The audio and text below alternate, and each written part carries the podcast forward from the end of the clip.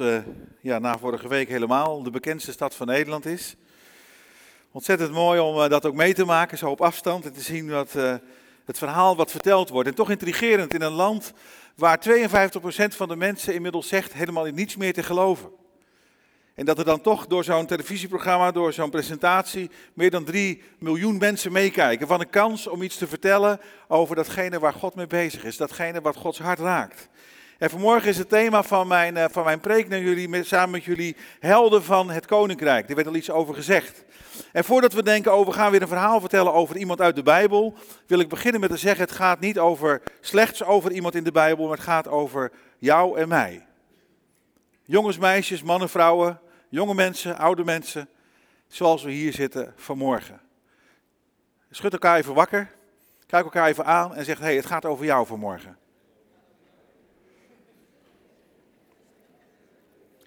Omdat ik namelijk geloof dat, dat uh, na, naast zo'n zo presentatie natuurlijk een prachtige kans dat je inderdaad de passion aangrijpt als stad om, te, om, om de straat op te gaan, aan mensen opnieuw te, uit te leggen wat er eigenlijk gebeurt, opnieuw vragen te stellen. Maar ik geloof dat het meer dan ooit nodig is in ons land, en niet alleen hier, maar te beginnen bij ons, bij ons land, in onze stad, dat wij het Koninkrijk van God gaan openbaren in wie wij zijn. Ik geloof dat de tijd aangebroken is en misschien is dat al langer zo, maar ik merk ook echt dat God daarin aan het bewegen is. Dat we als kerk minder gaan zeggen en meer gaan zijn. Toen ik hierheen reed, dacht ik, het is natuurlijk heel grappig om, om naar Friesland eh, af te reizen, helemaal uit Zuid, Zuid-Holland. Eh, eh, omdat ik, ik, wat ik zo mooi vind aan de Friesen is, de Friesen zijn trots op het Fries zijn. Wie, wie, is, hier al, wie is er Fries? Wie is dat niet? Maar voelt zich wel Fries? Dat is een trickje, hè? Waarom ik dat vraag? Ik ben, zelf, uh, ik ben zelf wel in Nederland geboren. Ik ben opgegroeid in Brazilië. Daar heb ik 27 jaar van mijn leven gewoond. En ik moet je eerlijk zeggen, ondanks dat je het niet zou zeggen als je me ziet en me zo hoort.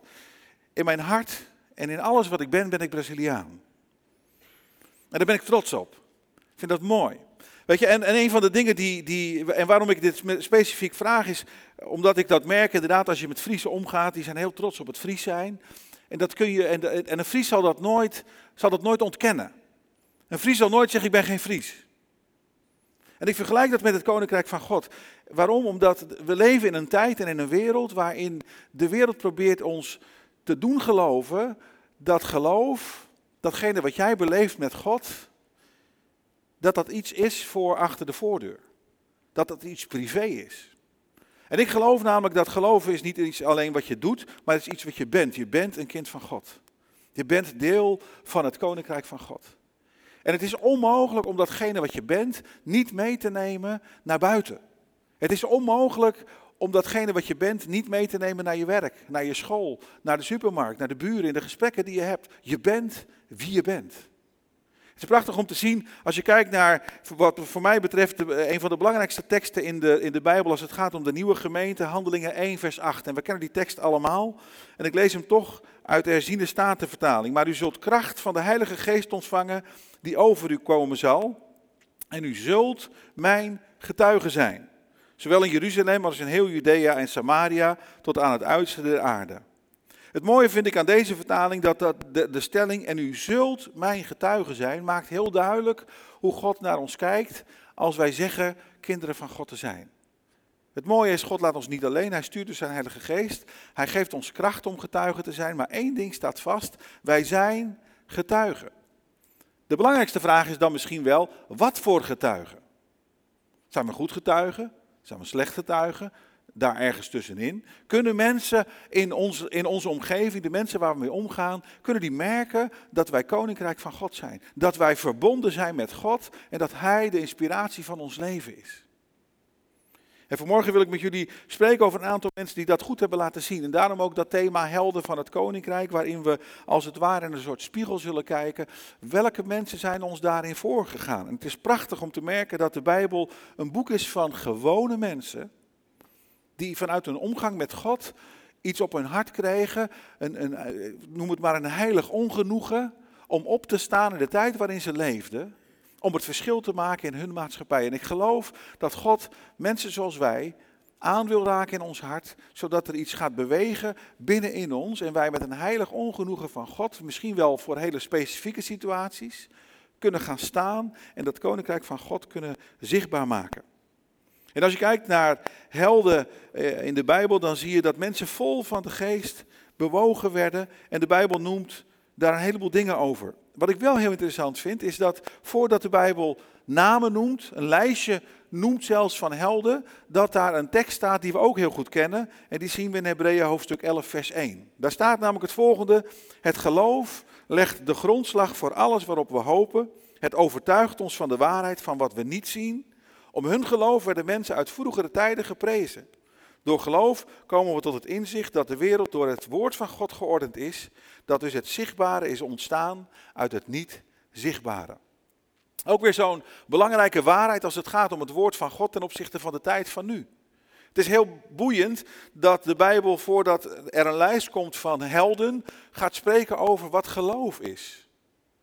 Wat de definitie van geloof is. En voor mij zegt dat dat als wij willen opstaan en het koninkrijk van God zichtbaar willen maken in ons leven naar de mensen om ons heen. Want het is natuurlijk vaak een, een belangrijke vraag: hoe doe je dat dan? Dat begint met de vraag: geloven we? En als we zeggen te geloven, wat geloven we dan?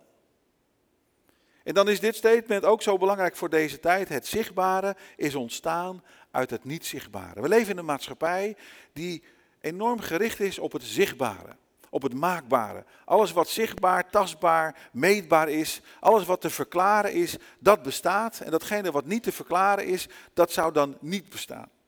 En het is goed dat we met elkaar beseffen, maar dat ook in geloof uitspreken, maar dat we beseffen dat er een geestelijke dimensie is waar we deel van zijn, die invloed heeft op ons leven. En dat vanuit die geestelijke, niet zichtbare dimensie, het zichtbare is ontstaan. Dus het is, een, het is een veel bredere wereld dan alleen datgene wat we om ons heen kunnen zien. En vanuit dat geloof, vanuit die zekerheid en vanuit die spanning die God soms brengt in het hart van mensen, zijn er mensen opgestaan. En ik noem heel snel een paar van die namen die dan in Hebreeën hoofdstuk 11 naar voren komen. De Bijbel spreekt over Abel, over Henoch, over Noach, over Abraham, Sarah, Isaac, Jacob, Jozef, Mozes' ouders en Mozes zelf. En zelfs over iemand die we niet zouden verwachten, de hoer. Over Gideon en Barak, over Simpson en Jefta, David en Samuel en over de profeten. En daarvan zegt de schrijver, de tijd ontbreekt om ze allemaal te omschrijven. Maar allemaal mensen, mannen, vrouwen, zelfs vrouwen die we niet zouden verwachten, die hun leven hebben ingezet, iets zichtbaar hebben gemaakt van het koninkrijk van God, waardoor ze nu bekend staan als helden. Maar als je goed naar het verhaal gaat kijken van al die mensen, en daar ontbreekt de tijd voor, dan ga je ontdekken dat het gewone mensen waren. Mensen die gewoon in het leven bezig waren. Soms met hele dagelijkse dingen op het moment dat God ze riep. En dat is misschien wel een goed, een goed geheim om met elkaar te, te onthouden. Dat als je zegt vanmorgen, ik zou best door God gebruikt willen worden. Wat mij betreft mag God mij gebruiken om zijn koninkrijk zichtbaar te maken. Dat God op ieder moment van je leven voorbij kan komen en een roeping op je leven kan plaatsen. Maar laat het duidelijk zijn, we zijn hoe dan ook getuigen. Het mooie ook van die helden, in tegenstelling tot, tot hoe we vaak in deze tijd geloven, is dat zij in een ander perspectief leefden. Het raakte me even zo'n zo'n mededeling tussendoor over iemand bij jullie in de gemeente die kennelijk aan zijn laatste dagen bezig is. En, en het raakt me omdat ik merk dat we, dat we heel vaak bezig zijn met het oplossen. En als ik dan hoor dat iemand er zo nu in staat, hij wil, hij wil ook de zaken in het perspectief van, van de eeuwigheid zien. Dan denk ik, wat, wat kunnen we een hoop leren van elkaar? Ik merk dat zoveel mensen teleurgesteld raken. Van de week kreeg ik nog een e-mailtje van iemand die, die naar de Pinksterconferentie wilde komen. En die, die zich afvroeg of het inderdaad zo was. Want hij had het gehoord dat er gebeden werd voor zieken. En of, of hij genezen kon worden daar. En ik heb hem een mail teruggestuurd met aan de ene kant het geloof en de ervaring dat God inderdaad geneest als we bidden. En zeker als we daar in een, specifieke setting, maar ik geloof dat God altijd geneest. Maar ik heb ook tegen hem gezegd, we hebben ook gezien dat God het niet doet. En als je mij zou vragen waarom, kan ik je niet uitleggen. Ik heb het in mijn eigen leven meegemaakt. Mijn vader was 47 toen hij overleed. Ik ben inmiddels ouder dan dat hij was. En natuurlijk heb ik me lang afgevraagd in mijn leven waarom. En ik heb lang geworsteld met het gebrek aan een antwoord. En tegelijkertijd, als ik dan kijk naar helden in de Bijbel, dan zie ik juist dat zij dat perspectief hadden op de eeuwigheid. Dat ze aan de ene kant baden voor genezing, baden voor geloof.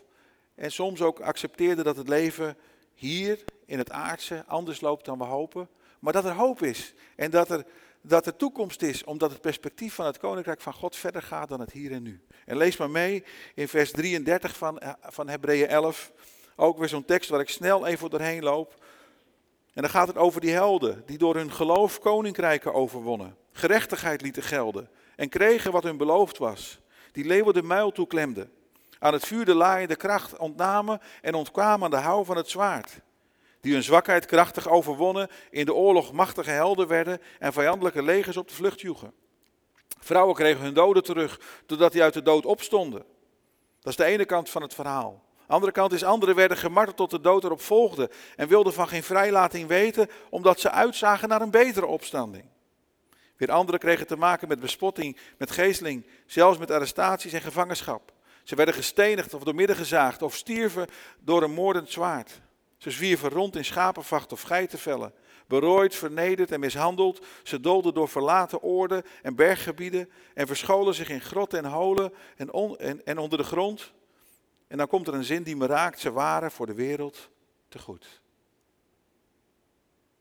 Wat te gek als, de, als er over, over iemand geschreven kan worden dat hij voor de wereld te goed was. En ik weet niet of je je bezighoudt, misschien ook helemaal niet. Maar wat zou je willen dat mensen over je zeggen als je er niet meer bent?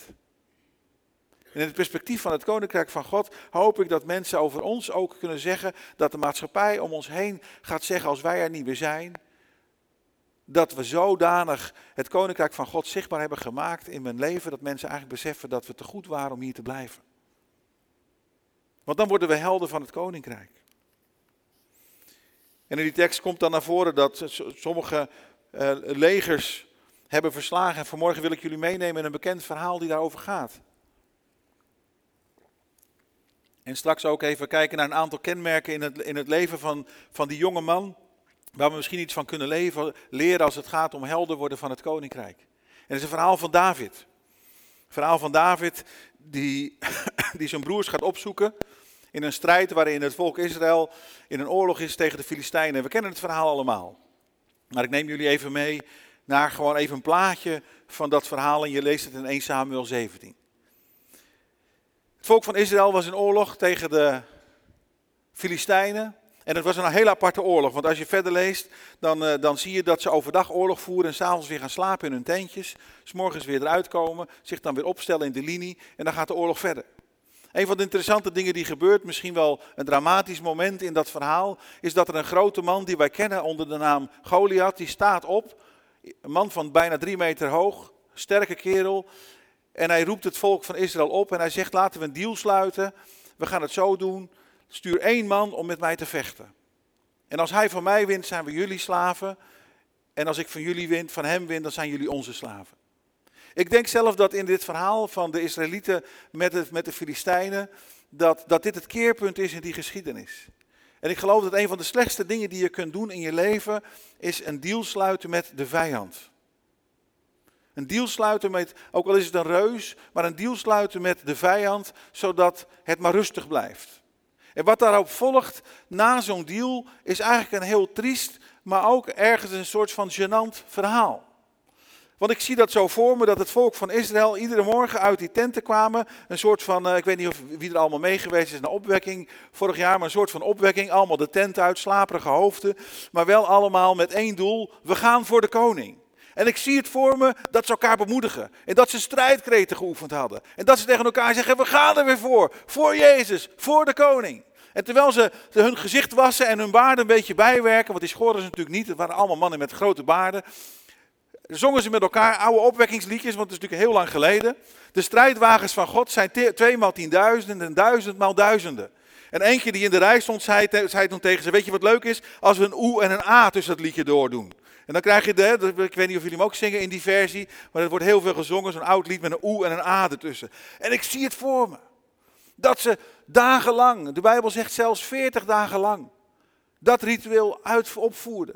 Met elkaar strijdkreten, positieve beleidenis, geloof en voor de Heer en opwekkingslied en nog een liedje. En dan stonden ze daar op één rij voor de vallei. En weet je wat er gebeurde?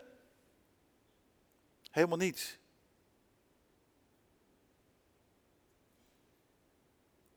En als ik daar dan naar kijk en ik aanschouw zo'n plaatje als het ware als een film in mijn leven, dan vind ik het een herkenbaar plaatje.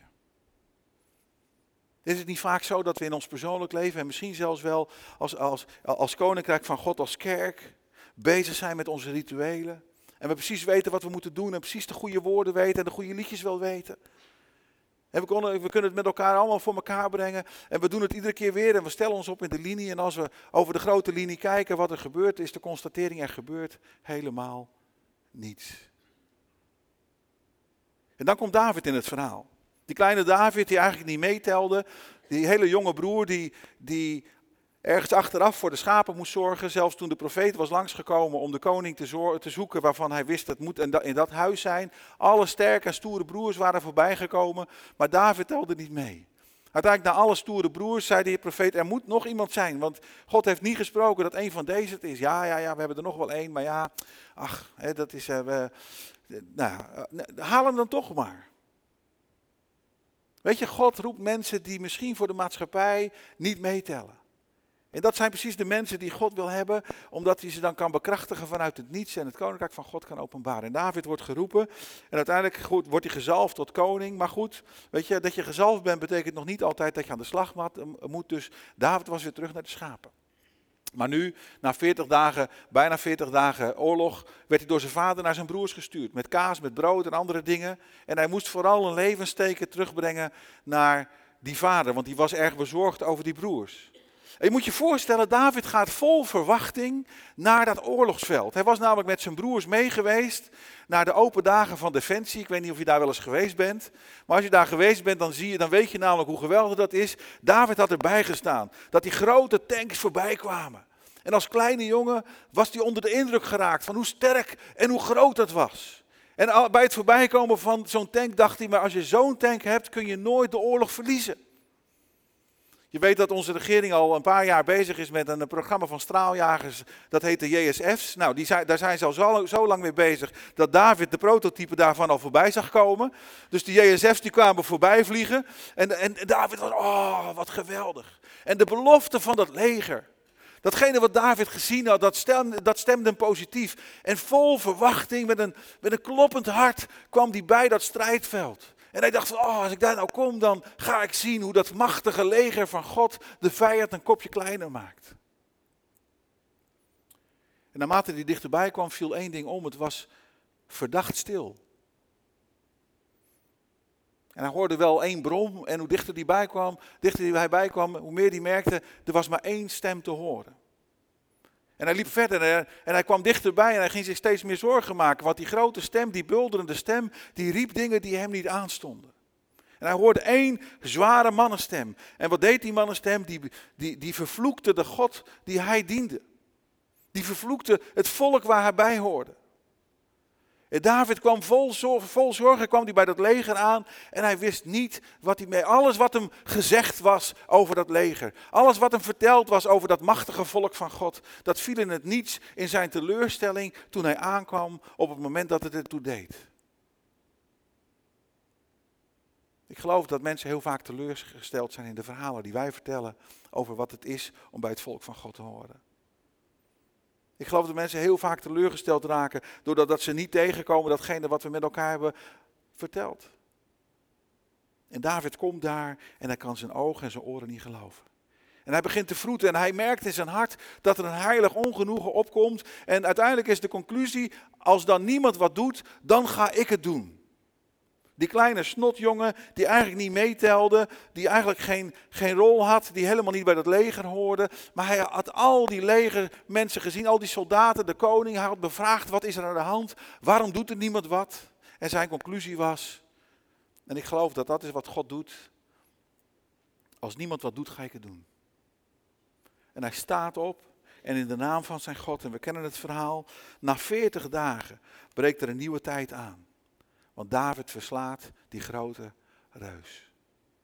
God roept gewone mensen. Mensen zoals jij en ik. Die misschien niets vermoedend vanmorgen hierheen kwamen. Om te gaan staan voor zijn koninkrijk.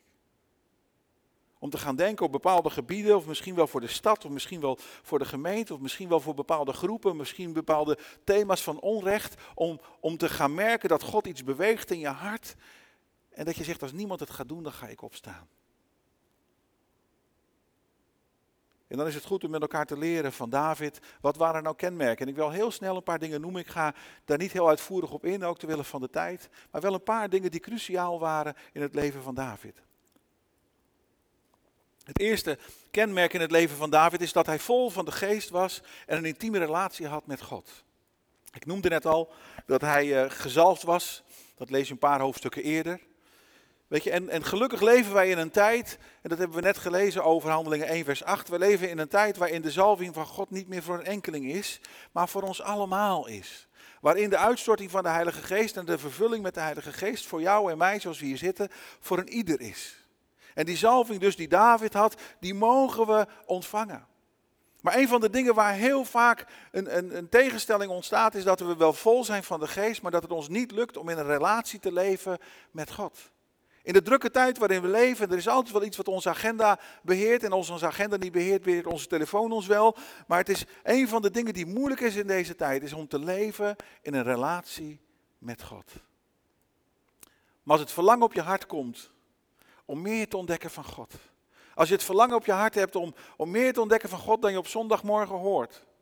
Om te gaan leven binnen de kracht van het koninkrijk van God. Dan nodigt God je uit om te gaan leven vanuit relatie. Een andere belangrijke, belangrijke les die David ons leert is dat hij trouw was in de gewone dagelijkse dingen. Het vind ik zo mooi dat, en ik noemde het net al even, dat David gezalfd was als koning en terugging naar zijn schapen. Ik heb heel veel gemeentewerk gedaan, vaak ook geholpen in moeilijke situaties. En dan kwam ik mensen tegen die zeiden tegen me, maar ik voel me geroepen om hier iets aan te doen. Ik voel me geroepen om leiding te geven aan de gemeente. Of soms komen mensen naar me toe van, hoe ontdek je nou de wil van God in je leven? En dan is mijn vraag eigenlijk altijd, wat doe je nu al? Omdat ik namelijk geleerd heb, ook in mijn eigen leven, maar ook in de mensen waar ik mee om ben gegaan. Ik heb nog nooit God iemand zien roepen die niets deed. Als je wil ontdekken wat de wil van God is in je leven, begin met de gewone dagelijkse dingen. Begin te dienen op de plek waar je bent. Het zal ongetwijfeld hier anders zijn dan in alle andere gemeentes in het land. Want jullie zijn wat dat betreft natuurlijk bij uitstek de gemeente waar alles goed loopt. Maar ik weet dat alle gemeentes waar ik kom, die hebben een vacaturebank. Altijd meer vacatures dan dat er invulling is. En dat is heel apart, want we zijn samen gemeenten. Een van de meest, meest gebruikelijke vacatures in gemeenten is kinderwerk. In mijn eigen gemeente, en ik kom in een grote gemeente in Dordrecht, hebben we altijd vacatures voor kinderwerkers. En dat vind ik heel apart. Want met zoveel gezinnen, we hebben ongeveer 800 mensen die er op zondag zitten. En allemaal gezinnen. En dan spreek je ouders aan, vaak moeders of vaders. En je zegt voor je zou je mee willen helpen. Zou je mee willen helpen met kinderwerk? En dan is het antwoord, ja maar ik heb niks met kinderen. En dan sta je bij de deur een hand te geven. Komen ze voorbij met vier van die keuters. En dan denk ik, ah, zielig. Kan niet waar zijn. Weet je, en, en de bediening van toiletten schoonmaken of schoonmaken, ja, die bediening staat niet genoemd in de, in, in de Bijbel, maar dat moeten we wel met elkaar doen. En ik geloof dat als je God wil dienen en je wil komen op de plek waar God je wil hebben, is het heel belangrijk dat we leren om te dienen op de plek waar we zijn. En dat je eigenlijk gewoon de vraag stelt in de gemeente, hé, hey, wat kan ik doen? Waar is werk te doen? Mag ik meehelpen? Want dan ga je namelijk ontdekken gaandeweg dat God je naar andere dingen leidt. Dat is wat David ons leert. Ander belangrijk punt is dat David gefocust was op God en niet op de reuzen. Een van de dingen die me opviel toen ik in Nederland kwam wonen, 14 jaar geleden, want dat zo lang geleden ben ik inmiddels terug uit Brazilië. Maar ik weet nog goed dat ik op een gegeven moment een krantenkop zag. Ik denk dat het, uh, dat het uh, trouw was of een of andere grote uh, van de landelijke kranten. En de grote kop was, Nederlanders klagen ook al gaat het goed.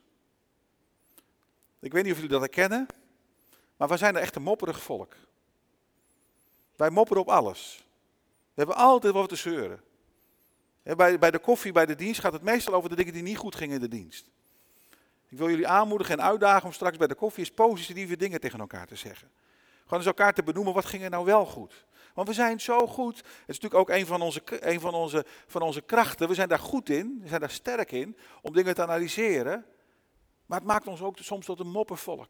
En dan kunnen we zo gefocust zijn op de dingen die slecht gaan. We kunnen zo gefocust zijn op de dingen die moeilijk zijn in het leven.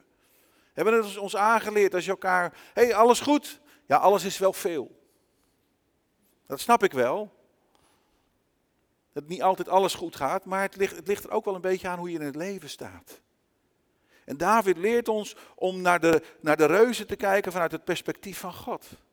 En misschien heb je het wel eens gehoord, er is wel eens een, een, grapje over gemaakt, dat David had, hij kon twee dingen kiezen. Hij kon denken van, die reus is zo groot, die kan ik nooit verslaan. Maar had ook kunnen kiezen voor, die reus is zo groot, die kan ik nooit missen. En voor dat laatste heeft hij gekozen.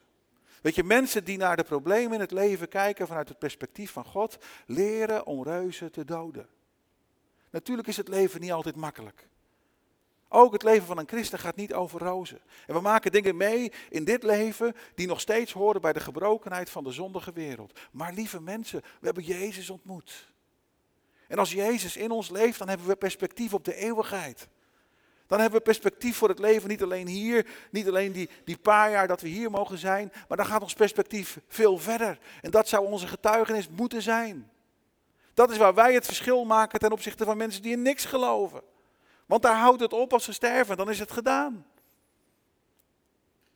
Maar Jezus wil ons perspectief geven. Dus we mogen leren om onze focus op de juiste dingen te houden. Ander belangrijk punt, David luisterde niet naar de verkeerde mensen. Weet je wat er gaat gebeuren als jij een plek wil gaan innemen in het koninkrijk van God? Als je wil gaan doen wat God van je vraagt, dan gaan er mensen op je pad komen die gaan zeggen, jij bent ongeschikt.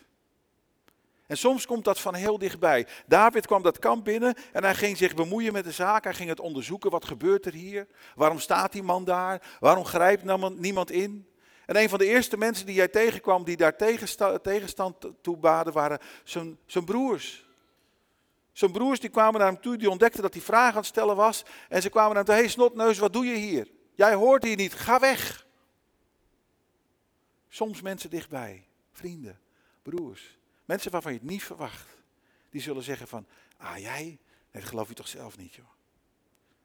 Weet je, als mijn ouders daarna geluisterd hadden, had ik hier waarschijnlijk nu niet gestaan. Mijn ouders gingen 40 jaar geleden de zending in. Dat waren andere tijden. Ik was de oudste van vier, ik was acht, de jongste was vier. En de gemeente zei, de oudste zeiden, mijn vader was twee jaar overspannen geweest. En de oudste zeiden, wij gaan jullie niet steunen als jullie de zending ingaan. Je bent ongeschikt. Het kan nooit waar zijn.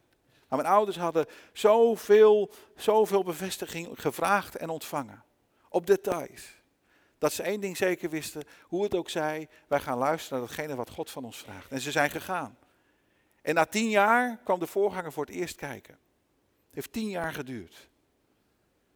En ik kan er heel veel over vertellen, ga ik niet doen. We hebben moeilijke tijden gehad. We hebben wonderen van God gezien.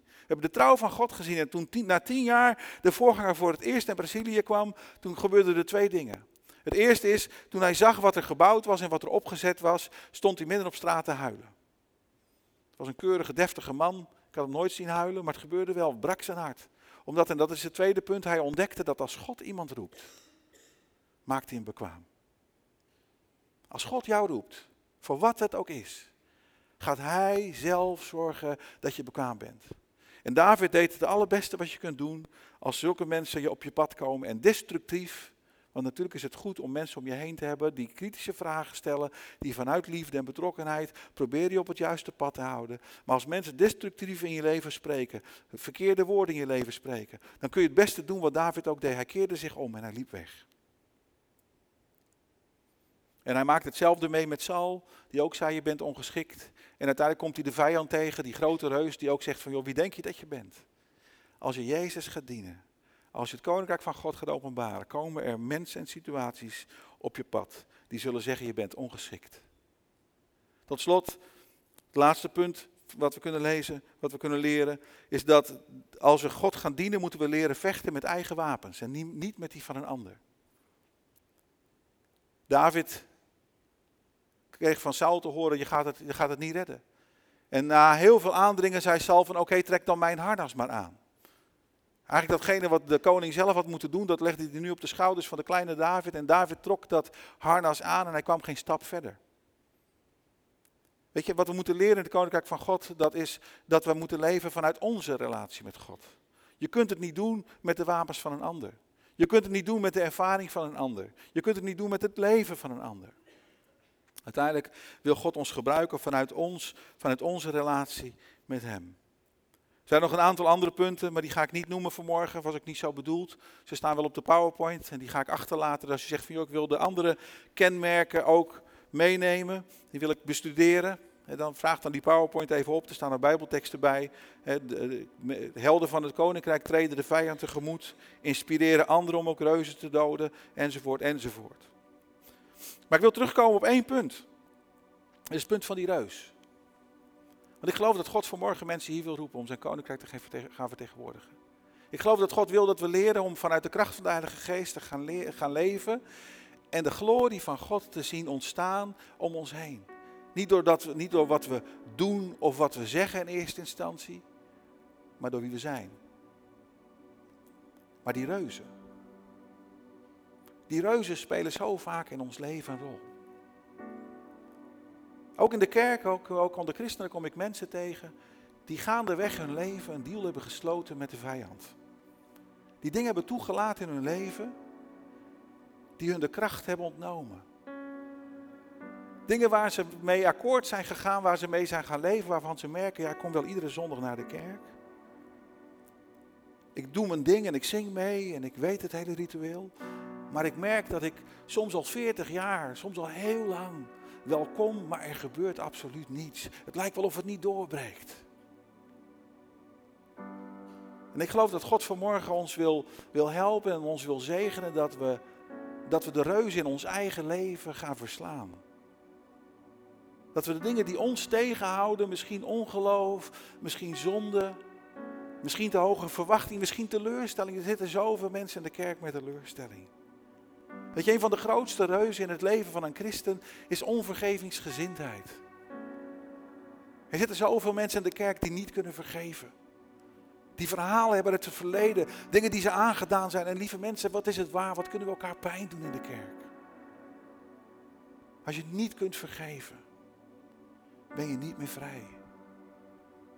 Als je dingen toelaat in je leven, worden het reuzen en ze worden steeds groter. En je merkt, je kunt niet meer doorbreken. En het lukt je niet meer om vanuit de vreugde van het koninkrijk van God te leven. Je blijft maar gefocust op hoe groot die reus is. En je kunt het perspectief van God niet meer zien. En ik geloof vanmorgen dat God ons wil helpen om, om de reus in ons eigen leven te verslaan. Om die muur te doorbreken. En opnieuw te gaan staan voor het koninkrijk van God. En daarom wil ik, als we, als we dit mooie lied gaan zingen zo met elkaar, wil ik je uitnodigen vanmorgen. En ik wil drie, drie uitnodigingen doen. Dus ik hou het lekker breed, maar ik vind het wel fijn dat je een keus maakt.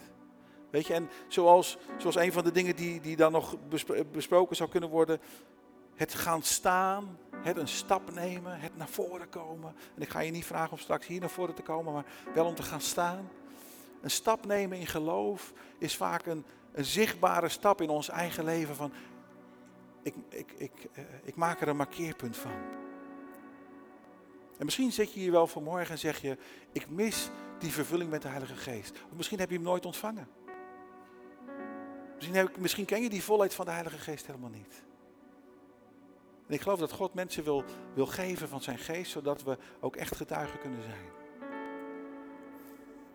En als we straks dat lied zingen, dan wil ik je uitnodigen. Als je zegt van ja, maar ik heb die vervulling van de Heilige Geest nodig in mijn leven. Of je dan wil gaan staan, zodat we samen naar de troon van God kunnen gaan om daarvoor te bidden. Het tweede punt is als er in je leven reuzen zijn. Dingen zijn waarvan je zegt, het lukt me niet om daarmee af te rekenen.